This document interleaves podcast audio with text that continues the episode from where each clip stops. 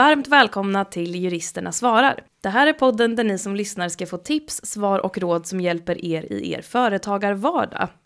Finns det något särskilt som man som företagare ska tänka på när man marknadsför sina varor och tjänster på sociala medier? Och räknas det som en tävling om man ber sina följare att lajka en bild för att sen kunna vinna ett pris? Och får man som företagare lägga upp bilder från sin uteservering hur som helst? Det ska vi fokusera på i dagens avsnitt. Jag heter Oksana Jekemenko. Och jag heter Hampus Löfstedt. Och vi arbetar på Företagarnas juridiska rådgivning.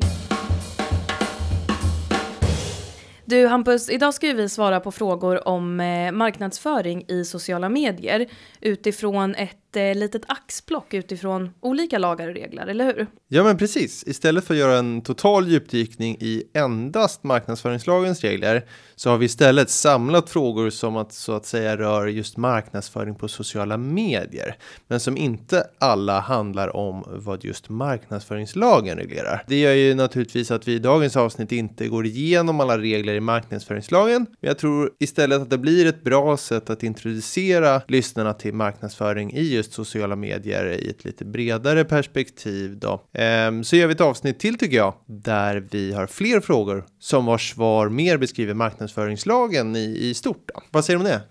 Ja, men det låter som en eh, toppen idé tycker jag. Behöver vi eh, säga någonting mer innan vi eh, går på frågorna? Nej, jag tycker vi drar igång. Bra, då tycker jag att du börjar med att läsa den första frågan. Tackar, tackar. Hej! Jag driver en byggfirma som gör badrumsrenoveringar åt konsumenter. Och vi har både ett Facebook-konto och ett Instagram-konto där vi postar inlägg om våra tjänster och om vår verksamhet. Måste vi ta hänsyn till marknadsföringslagens regler på samma sätt som när vi annonserar i vår lokala tidning? Ja, här har vi till en början en fråga som tar sikte på just marknadsföringslagen och närmare bestämt på lagens tillämplighet som vi brukar säga. Först och främst spelar det ingen roll vilket medium som används för att marknadsföringslagen ska vara tillämplig. Eh, marknadsföringslagen är tillämplig på framställningar som har kommersiellt syfte. Och det kan vara både i tidningar och på Instagram. Men det är inte tillämpligt på så kallad opinionsbildning eller så åsiktsyttringar så att säga. För att uttrycka en åsikt i tal och skrift är ju faktiskt en eh, grundlagsskyddad rättighet, eller hur Oksana? Mm, stämmer bra. Finns ju i Yttrandefrihetsgrundlagen och tryckfrihetsförordningen. Ja, men precis. Den där gränsdragningen har ju minst sagt blivit en het potatis idag eftersom vi idag konsumerar kommersiellt innehåll och åsiktsyttringar sida vid sida. Eh, med kanske ändå endast liksom en mikrosekund emellan scrollningen så att säga. Men i ärlighetens namn så är det ju egentligen inget nytt. Alltså innan sociala medier fanns det ju redan tidningsannonser utformade som artiklar, eh, mittemellan journalistiska artiklar och på tv dök ju ICA-reklamens karaktärer upp mittemellan tv-programmen så att säga. Mm. Eller hur? Ja, nej men precis, eh, så är det ju. Men, men du sa här att marknadsföringslagen är tillämplig på, fram, på framställningar som har kommersiellt syfte. Kan mm. du utveckla det lite? Ja, du tog verkligen fasta på vad som var viktigt här. Det är ju ganska uppenbart vid marknadsföring med ett köperbjudande för en viss tjänst eller en produkt att det är kommersiellt syfte. Medan det är ju en lite svårare bedömning med texter som till exempel beskriver en annonsörs näringsverksamhet. Då. Mm. Eh, men, men även där, när det är beskrivande av en verksamhet, så kan det ses som att det är kommersiellt syfte i förlängningen. Och att det därför ska ses som, som marknadsföring. Och då får man titta på Eh, det specifika fallet, vad det faktiskt är i, i innehållet och vad syftet är. Då. För att exemplifiera så kan man säga att marknadsföringslagen är tillämplig på ett Instagram-inlägg som har till syfte att få konsumenter eller näringsidkare att köpa en viss produkt. Mm. Eh, man lägger upp, eh, hallå där, du kan köpa de här för 299 via våran webbshop. Tydligt kommersiellt syfte. Ja. Däremot är den inte tillämplig på inlägg som endast ger uttryck för en viss åsikt utan kommersiellt syfte om en produkt. Om vår frågeställare lägger upp ett inlägg på Instagram som beskriver hur visst kakel och klinker kan beställas via dem så är alltså marknadsföringslagen tillämplig. Lägger det däremot upp ett inlägg på när deras två anställda äter lunch i vårsolen med en tillhörande text om hur god lunchlådan är från ett visst ställe så skulle jag säga att marknadsföringslagen kanske inte är tillämplig. Om det nu inte på något annat sätt framhäver deras verksamhet på något eh, sätt som är i kommersiellt syfte då. Ja, för att förklara det här ytterligare så tänkte jag ta upp ett rättsfall från 2002. MD 2002 354 som behandlar just gränsdragningar mellan opinionsbildning och marknadsföring.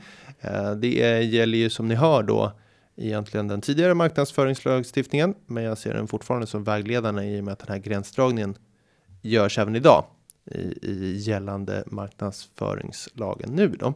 Ja, för där kan man säga att den nuvarande marknadsföringslagen eh, trädde i kraft 2008. Ja, men precis. Mm. I det här rättsfallet så var det HSB som i samband med två mässor skickade ut en broschyr med rubriken HSB vill stoppa farliga kemikalier.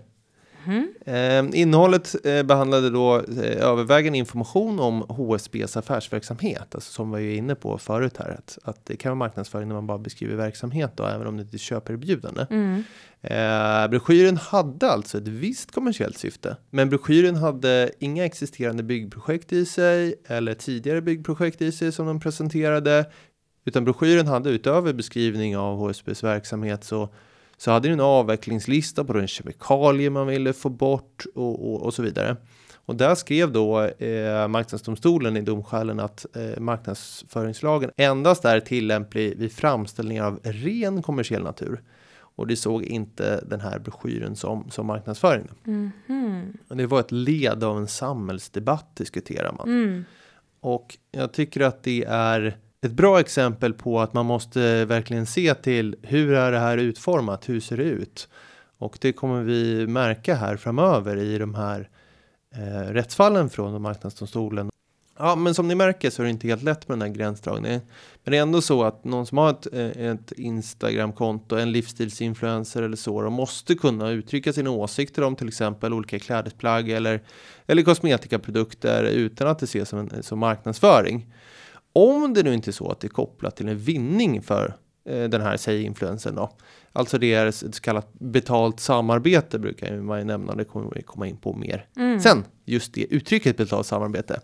Eh, för då är det ju ett rent kommersiellt syfte om man får betalt att uttrycka den här inom situationstecken åsikten då. Mm. Eh, som i och för sig kan vara helt riktig. Alltså det kan ju fortfarande vara ett uttryck av en åsikt. Mm. Men kommersiellt syfte, marknadsföringslagen, blir då tillämplig. Ja, bra. Ja. Eh, men och nu har vi ju redan i inledningen här eh, till podden nämnt att vi inte ska beskriva hela marknadsföringslagen. Mm. Men nu är vi inne och pratar om den i alla fall. Så att, kan, du, vad, kan man liksom beskriva den med lite breda penseldrag? Vad reglerar den? Ja, varför är vi överhuvudtaget här? Varför frågar, varför frågar frågeställaren? Exakt. Ja, med breda penseldrag så är syftet med lagen att främja konsumenters framför allt, men även näringslivets intressen i samband med marknadsföring och då kanske framförallt att motverka just otillbörlig marknadsföring mot både konsumenter och näringsidkare. Mm. Det där med otillbörlig marknadsföring är en röd tråd i hela lagen och till mångt och mycket, och vi nu säger just breda penseldrag, så går den igenom vad för typ av marknadsföring som är otillbörlig och därför förbjuden. Som exempel kan vi nämna att marknadsföring är otillbörlig när den är vilseledande på olika sätt, till exempel när man inte tydligt anger att den just är marknadsföring eller när man ljuger om en produkts egenskaper till exempel. Då. För vissa av de här regleringarna krävs även ett transaktionstest, Oksana. Jajamän. Som handlar om att konsumenten ska påverkas eller sannolikt har påverkats i att fatta ett välgrundat affärsbeslut för att det ska ses som otillbörligt. Mm. Eh, men jag tänkte att jag satte en liten pin här. Så tänkte jag att jag i min nästa fråga tar upp just två olika marknadsföringar som kan anses som otillbörliga och som just är intressanta i sociala medier sammanhang. Spännande, en liten mm. cliffhanger då. Jajamensan. Mm, bra, ja, men då, då går vi vidare till nästa fråga. Hej podden! Jag driver en liten delikatessbutik på en ort i södra Sverige. Jag har under den senaste tiden märkt att jag börjat få en hel del besökare och följare till mitt Instagramkonto och funderar på att köra en tävling där alla som likar och delar mitt senaste inlägg har chansen att vinna en korg med godsaker från butiken. Är det något särskilt jag bör tänka på eller är det bara att köra? Tänker jag först att gud vad trevligt med eh, godsaker från den här lilla delikatessbutiken. Verkligen. Den, den tävlingen vill man ju vara med i. Jag menar det. Och den här typen av marknadsföring är ju väldigt vanlig idag och det märker ju vi för att vi får helt enkelt en hel del frågor om det. Ja men absolut. Um, och eh, man kan väl säga så här att innan 2019 mm. när vi fortfarande hade den så kallade um, lotterilagen så var det förbjudet för företag att anordna tävlingar eller lotterier i sociala medier där man då lottar ut en vinnare baserat på att deltagarna hade gillat, kommenterat eller delat ett inlägg om företaget inte hade tillstånd för det. Men den 1 januari 2019 så fick vi en eh, ny spellag mm. och den här eh, gamla lotterilagen togs då bort. Och det har gjort det enklare för företag att anordna just sådana här typer av eh, utlottningar. Så vad gäller i lyssnarens fall? Ja, om ett företag, eller lyssnarens företag då, på sin eh, Instagram anordnar en utlottning där deltagarna ska gilla och dela ett inlägg mm. och där vinnaren avgörs av slumpen så betraktas det då som ett lotteri. Mm. Och eh, huvudregeln enligt eh, spellagen är att tillhandahållandet av spel, till exempelvis lotterier, omfattas av spellagens regler och därmed fortfarande kräver licens. Men det finns en hel del undantag från det här licenskravet. Och till exempel då så behövs ingen licens om spelet, alltså lotteriet i det här fallet, inte kräver betalning av en insats från deltagarna. Och eh, i förarbeten har man sagt att, eh, att be sina följare att lajka, dela eller kommentera ett inlägg, det betraktas inte som betalning av, in, av en insats. Och det innebär alltså att eh, ett sånt här typ av lotteri då inte omfattas av licenskravet. Så att eh, lyssnaren behöver som sagt då inte ha licens för att dra igång det här lotteriet. Däremot så måste ju han eller hon se till då att marknadsföringen av utlottningen sker i enlighet med marknadsföringslagen. Mm. Så att eh, den här marknadsföringen då ska vara måttfull, det vill säga det får inte ske på ett eh, påträngande sätt. Det ska vara tydligt vem som anordnar utlottningen. Marknadsföringen får inte innehålla felaktiga påståenden om till exempelvis eh, men värdet på den här korgen med godsaker. Mm. Eh, att det exempelvis är högre än vad det egentligen är och så vidare. Ja, men jag förstår, men förutom spellagens och marknadsföringslagens regler, är det något mer man som företagare behöver tänka på? Ja, jag skulle säga att det är väl eh, tre andra saker som man, som man behöver tänka på när man mm. anordnar en sån här utlottning. Eh, och det är då skatt på vinsten, Aha. GDPR och användarvillkoren för den plattformen då som man planerar att eh, annonsera sin tävling Just på. Det. Och väldigt kort om skatt, eh, det är ju att eh, vinster i lotterier är skattefria. Till exempelvis då om spelet tillhandahålls i Sverige och inte kräver licens enligt spellagen.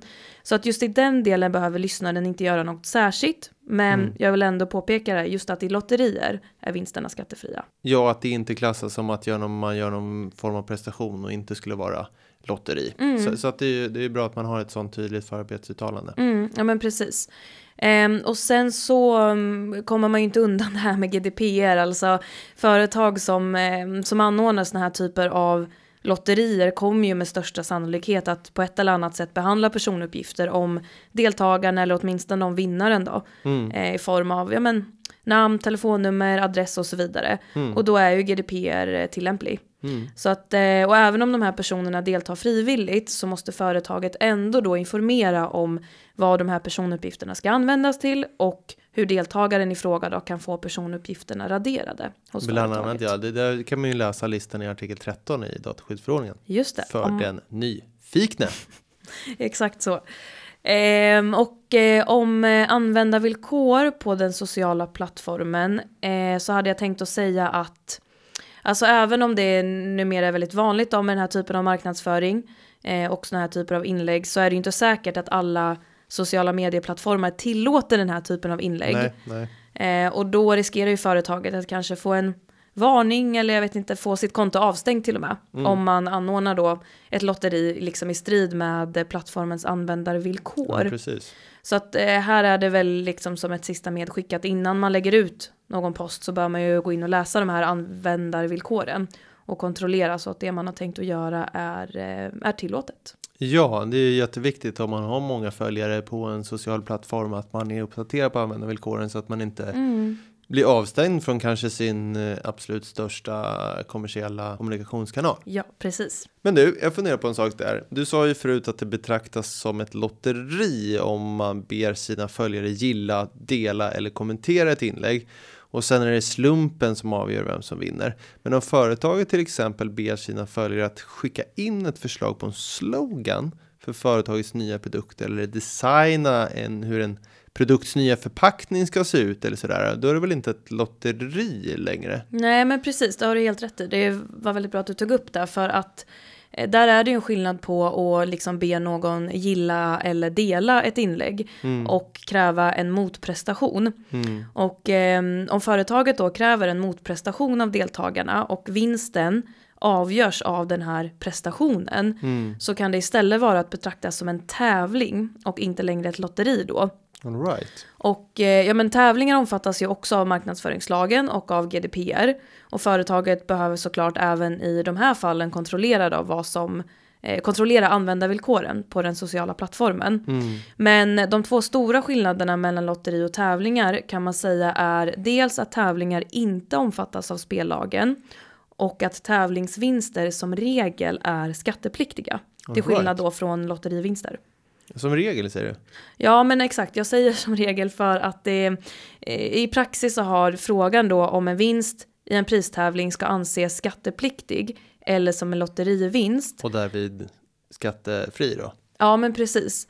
Eh, det, den liksom frågan har avgjorts på om tävlingen har avslutats med ett slumpmoment eller ett prestationsmoment. Om den har avslutats med ett slumpmoment eller prestationsmoment? Precis, alltså om vinnaren har, har vinnaren utsetts eh, av ren slump, alltså det är 20 personer som har likat och delat en bild och så har företaget eh, liksom av en slump ta, tagit en av de vinnarna. Eller eh, har man liksom eh, gått in och tittat på de här förslagen på slogan eller förpackningarna och tyckt att men det här var den bästa förpackningen så att det är själva motprestationen som är avgörande för vinnaren.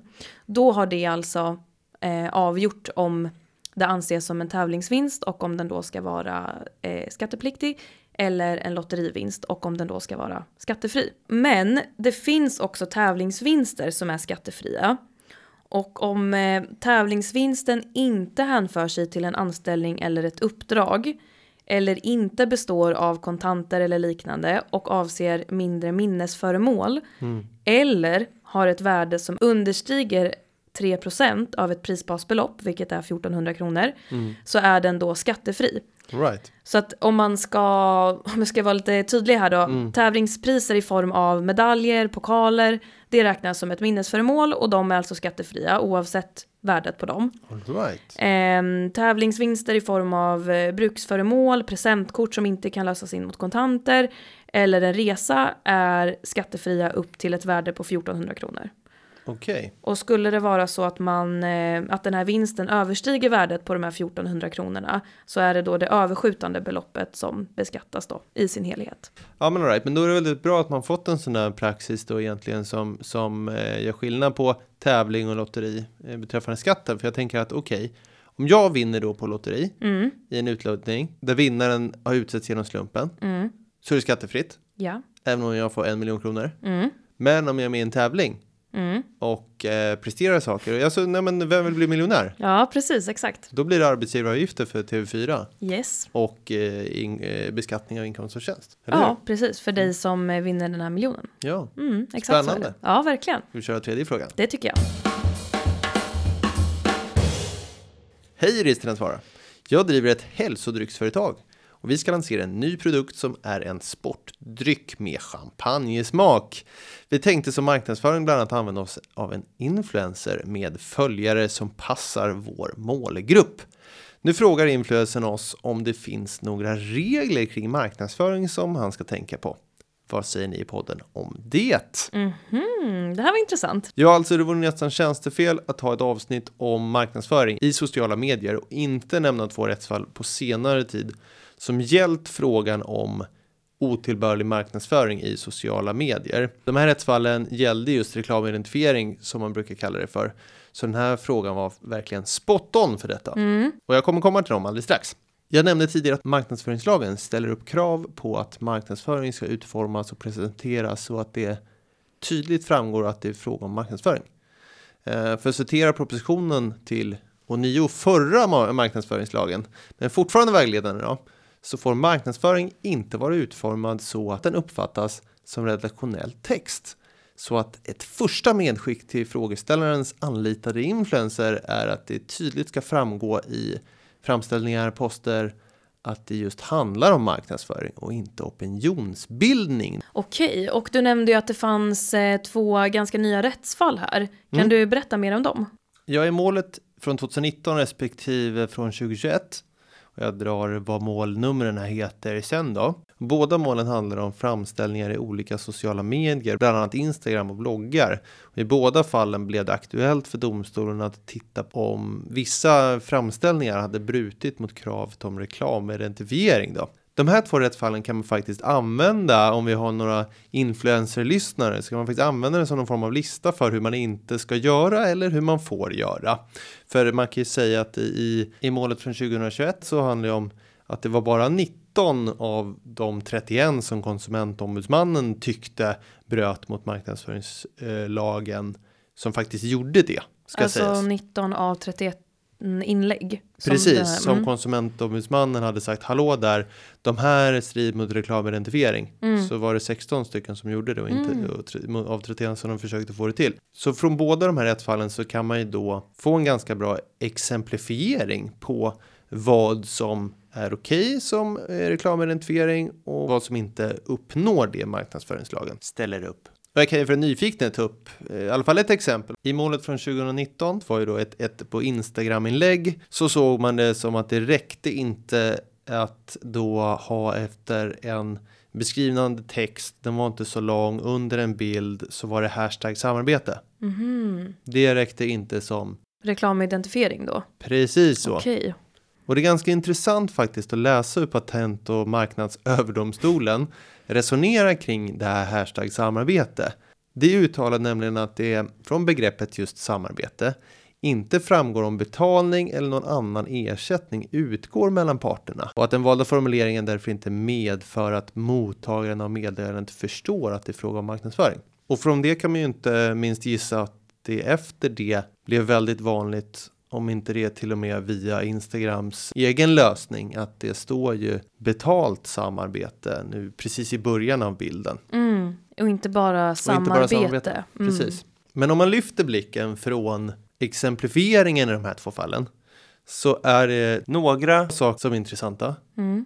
Och det är att domstolen tar in sammanhanget av var den här framställningen publiceras. Eh, Och nu citerar jag från sammanfattningen av målet från 2019 att enligt domstolens bedömning kräver detta sammanhang att genomsnittskonsumenten redan efter en flyktig kontakt med materialet ska kunna uppfatta vilka inlägg som utgör marknadsföring för att ha tillräckliga förutsättningar att fatta ett välgrundat beslut. Eh, men de fortsätter att säga att det här är ingen generell regel som kan uppställas. Det här med att man redan vid en flyktig kontakt ska uppfatta det som marknadsföring. Utan det handlar om sammanhanget. Det var alltså sammanhanget på den här bloggen, på Instagram som man såg kräver att det redan vid en flyktig kontakt, vi sa förut mikrosekunder av scrollandet, redan vid en flyktig kontakt ska man uppfatta det som marknadsföring. Men man kan inte säga det som generell regel för all marknadsföring. Att, att man absolut direkt vid flyktig kontakt ska uppfatta det som marknadsföring. Utan det, där gör man en eh, bedömning från fall till fall. Då. Mm. Och där har ju att göra med transaktionstestet. Så vi nämnde förut att det ska påverka eller sannolikt påverka genomsnittskonsumentens affärsbeslut.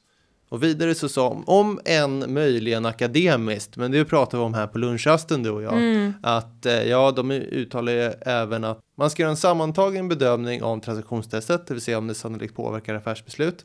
Uppfattar man det här på ett tydligt sätt som, som marknadsföring? Det där ska göras sammantaget Mm. och inte i två steg som det kan uppfattats tidigare i svensk lagstiftning att det ska göras. Men i EU-konform tolkning så ska Mm. det göras samlat då. Eh, men de, domstolen säger fortfarande att ja, resultatet kan nog ofta bli densamma. Så jag vet Mm. inte riktigt hur stor skillnad det kan få, men det kan visa sig i framtiden. Men det är som en sån sak man tar med sig att ja, sociala medier, då är det nog redan en flyktig kontakt Mm. det ska uppfattas. På grund av sammanhanget kanske? Ja, på Mm. grund av sammanhanget. Och där är det viktigt att det redan är i, kanske högt upp som det är nu då, redan via Instagrams egen funktion då, framstår som marknadsföring och så vidare. En annan sak man kan ta med sig från målet från 2021, eh, förutom eh, lista på eh, dos and don't, det är ju att det faktiskt fanns, det fanns ett uppdragsavtal på två poster Mm. på två inlägg.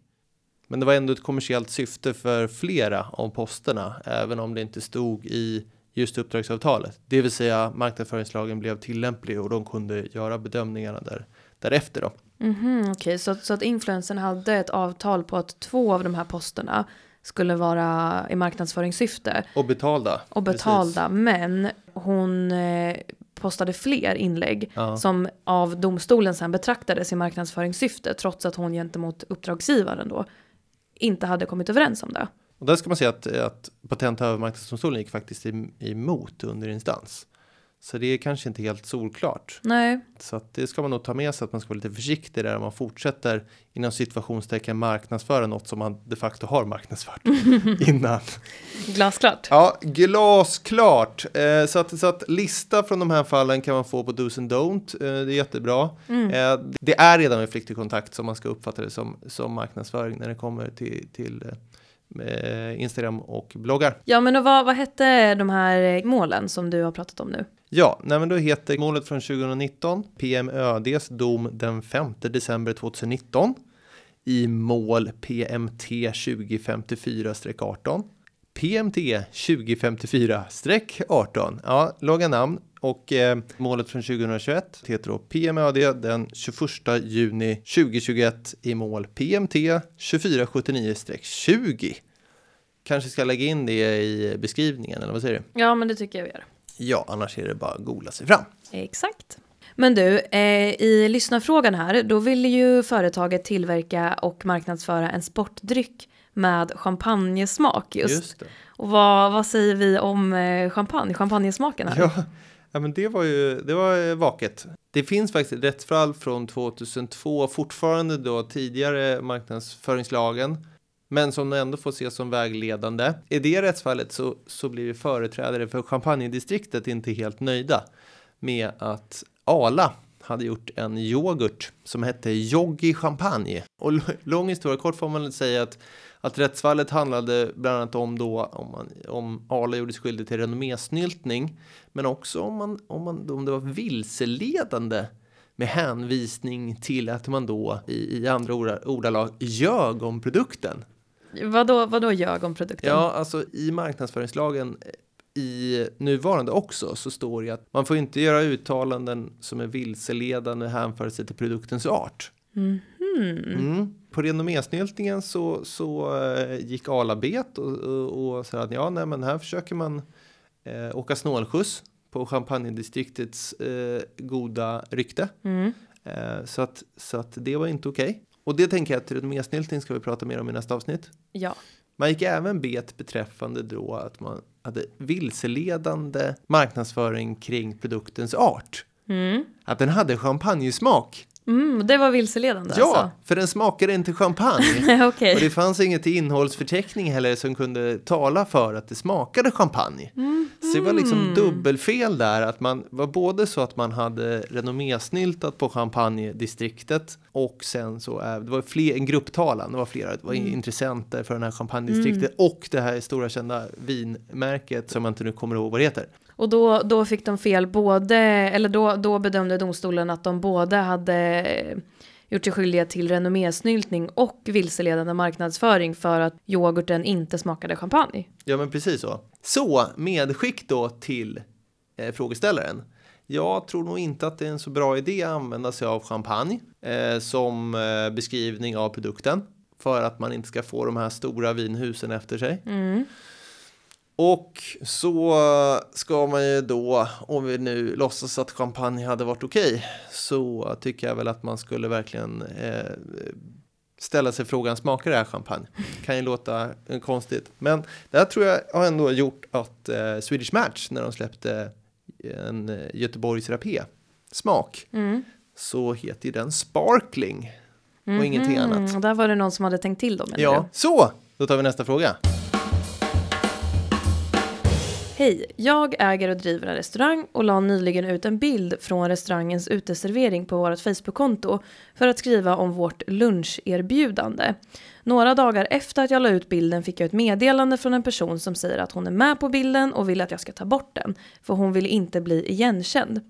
Jag har dock tagit bilden själv och jag får väl därmed använda den. Personen på bilden har dessutom solglasögon på sig och bilden är tagen från några meters avstånd så man ser faktiskt inte vem hon är. Får jag ha kvar bilden eller inte? Spännande. Ja men verkligen och man förstår ju här nu att nu när vi precis har eh, gått in i uteserveringstider som det heter så är det ju förståeligt att man vill ja, passa på att använda sig av sånt här typ av eh, härligt material i marknadsföringssyfte, eller hur? Ja men verkligen och det är just spännande för att det rör flera olika lagar. Precis, det stämmer. Och vi har ju pratat om upphovsrätt eh, lite kort i ett tidigare avsnitt, men jag tänker att vi ska börja i den änden ändå. Mm. Eh, upphovsrätten gäller ju såväl på som utanför internet och eh, den innebär ju att andra än upphovsmannen, det vill säga andra än till exempelvis fotografen bakom bilden här, inte har rätt att utan upphovsmannens samtycke använda verket. Just det. Så upphovsmannen eh, i det här fallet, alltså lyssnaren, får ju använda den här bilden Eh, men inte någon annan då som eh, lyssnaren inte har gett sig tillstånd för. Men om eh, upphovsmannen är en näringsidkare och vill använda sin upphovsrättsskyddade bild i marknadsföringssyfte så finns det begränsningar i hur det här får göras. Mm. Och då har vi lagen om namn och bild i reklam. Enligt lagen om namn och bild i reklam så får nämligen en näringsidkare inte vid marknadsföring av vara, tjänst eller annan nyttighet använda framställning i vilken annans namn eller bild utnyttjas utan dennes samtycke. Eh, och med namn och bild då så jämställs även andra beteckningar som klart eh, och tydligt utpekar en viss person. Eh, så att eh, här är, har vi en lag som väldigt tydligt anger ett förbud helt enkelt mot att använda bild av en enskild person i just reklamsammanhang utan personens samtycke. Mm. Men för att det här förbudet ska aktualiseras så krävs det att bilden är tydlig på så sätt då att det av bilden går att eh, identifiera en, en viss individ. Och den här individen behöver inte på något sätt vara en offentlig person eller liksom kändis som många känner igen och på så sätt kan identifiera. Nej. Utan det är alltså fråga om att personen som återges i bilden ska vara tydligt identifierbar per se. Mm, mm. Men det ska även sägas här att även en otydlig bild i kombination med andra omständigheter, till exempelvis en eh, tillhörande text, kan bli tillräckligt tydlig för att personen ska betraktas som identifierbar. Mm. Och i sådana fall så är det då alltså olagligt att använda den här bilden då utan personens samtycke. Jag förstår, men vad händer då om man bryter mot lagen om namn och bild i reklam? Ja, först och främst så har eh, den personen då vars namn eller bild har eh, använts olovligen, den personen har rätt till skälig ersättning från företaget som har brutit mot lagen. Mm. Eh, och dessutom så kan den då som uppsåt eller grov oaktsamhet bryter mot lagen dömas till böter. Mm. Eh, och skulle det dessutom vara så att det här företaget har tryckt upp den här bilden på reklamskyltar eller förpackningar eller på något annat sätt använt sig av eh, hjälpmedel vid framställningen så kan den här personen då som är med på bilden även kräva att den här egendomen ska förstöras. Mm. Så att eh, nu skriver ju lyssnaren här att eh, personen i fråga har på sig solglasögon, bilden är tagen på några meters avstånd. Men eh, jag, skulle, jag tycker väl ändå här att våran rekommendation får bli att man helt enkelt tar ner bilden. Mm. Även om den är härlig och bra i marknadsföringssyfte så mm. finns det en risk här att individen är identifierbar. Mm. Och då kan det vara ett brott mot lagen om namn och bild. Ja men precis och sen så som vi så ofta nämner så är vi en behandling av någons personuppgift så kan ju dataskyddsförordningen, GDPR också, bli tillämplig. Just det. Och en bild kan ju, om det går att identifiera en person, eh, ses som en personuppgift och att man då också måste följa den lagstiftningen. Precis. Och det kan ju till exempel innebära att man, som jag nämnde förut, där med informationsskyldighet, artikel 13, dataskyddsförordningen, men också det här med att man måste ha en rättslig grund för behandlingen och så vidare. Fortsätter man ha kvar den här bilden så skulle det alltså kunna innebära att, man, att det är flera eh, lagar som man inte följer. Så det rekommenderar vi inte.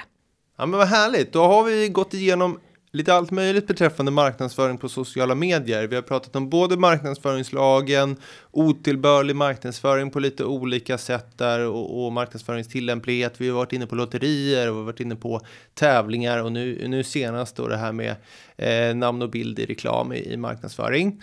Um, så det här tycker vi var ett, ett, ett bra sätt att ta oss an det här ämnet marknadsföring i sociala medier. Så redan nästa gång så kör vi ett avsnitt utifrån marknadsföringslagen. Och tycker du att det här avsnittet var bra så blir vi glada om du delar och kommenterar avsnittet, eller hur? Ja, men absolut. Och som medlem i Företagarna kan du utan kostnad ringa till oss och våra kollegor i den juridiska rådgivningen och få personlig hjälp. Du når oss på telefon 0771 45 45 45 har du en fråga till podden, då tycker jag att du mejlar till podcast.foretagarna.se. Klippningen är gjord av Petra Chu och underlaget av David Hagen. Vi hörs igen om två veckor. Tack för att du lyssnade. Hej då! Hej då!